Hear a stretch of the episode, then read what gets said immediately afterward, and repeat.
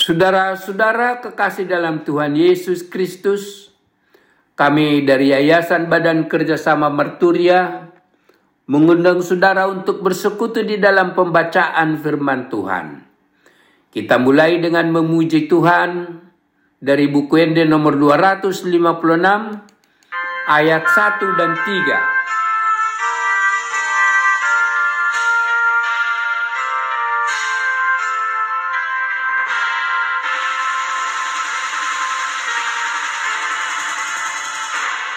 Yesus Kristus Sido Raja Pinabakit ni amana Manggonggo misa sude Manggonggo misa sude Jalana sahajol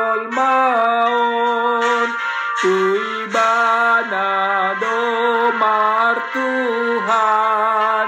Parhato poton nabi Parhato poton nabi Debata dosa sadasa. Kolan Yesus do tu dosna Anatua manai Anatua manai Naso mere thabang sana Somarujung dongoluna Tok tong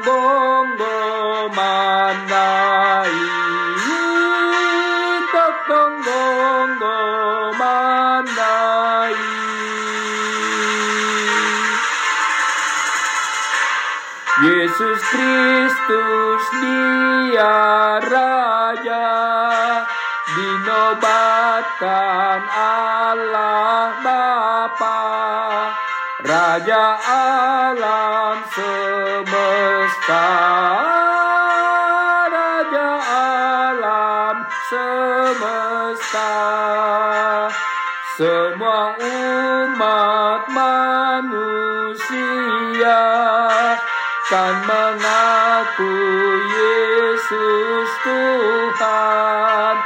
Akan sujud menyembah akan sujud menyembah.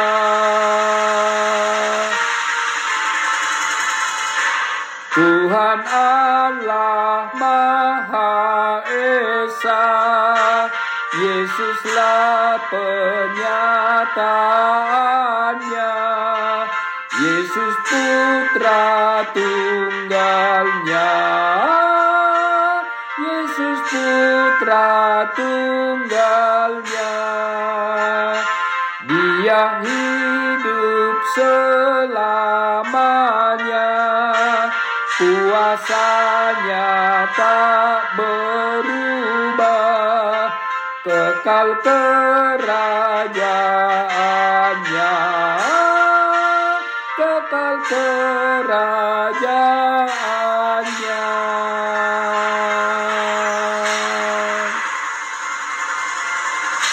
Mari kita berdoa. Terpujilah Engkau Tuhan yang memberikan hidup baru dan berkat-berkat baru bagi kami pada hari ini. Kami mau membaca dari firman-Mu.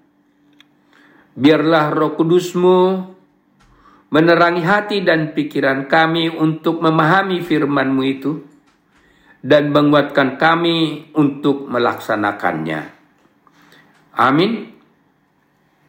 Saudara-saudara kekasih dalam Tuhan Yesus Kristus, firman Tuhan yang akan kita baca dan renungkan pada pagi hari ini tertulis di Yohanes 16 ayat 27. Demikian firman Tuhan.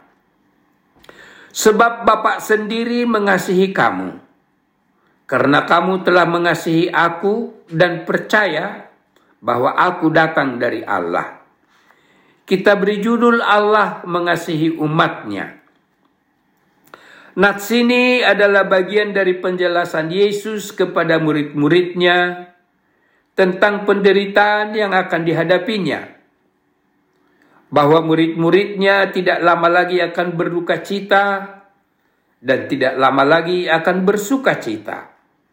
Karena Yesus akan segera ditangkap dan diserahkan kepada kepala-kepala imam dan orang-orang Farisi untuk disesah, dihina, disiksa, dan mati disalibkan. Namun pada hari yang ketiga, bangkit pula dari antara orang mati, untuk kemudian naik ke surga. Itulah karya besar Tuhan Allah melalui Yesus untuk menyelamatkan umat manusia dari hukuman atas dosa-dosanya. Saudara-saudara kekasih dalam Tuhan Yesus Kristus, tujuan dari kelahiran Tuhan Yesus sebagai manusia adalah untuk menjalankan misi penyelamatan tersebut. Penyelipan Tuhan Yesus adalah penggenapan janji kasih setia Allah bagi umat manusia berdosa. Dengan pengorbanan Yesus di salib itu, utang dosa kita dibayar lunas. Yesus disalibkan memikul dosa-dosa kita menggantikan kita menjalani hukuman atas dosa-dosa kita, sehingga kita terbebaskan dari menjalani hukuman maut itu. Kita memperoleh keselamatan dan hidup kekal bersama Yesus di sorga. Saudara-saudara kekasih Tuhan Yesus, firman Tuhan hari ini mengatakan bahwa Tuhan Allah mengasihi kita umatnya karena kita mengasihi Tuhan Yesus dan percaya bahwa Dia adalah Tuhan yang datang dari sorga. Allah menunjukkan kasihnya kepada kita oleh karena Kristus mati untuk kita ketika kita masih berdosa. Tertulis di Roma 5 ayat 8. Kita percaya Yesus adalah juru selamat kita setiap orang yang percaya kepada Tuhan Yesus akan menerima kehidupan kekal. Sebagai orang yang telah menerima kasih karunia kita, sebagai orang yang telah menerima kasih karunia, kita juga diminta untuk saling mengasihi, sebagaimana Yesus sendiri mengatakan, "Aku memberikan perintah baru kepada kamu." Yaitu supaya kamu saling mengasihi.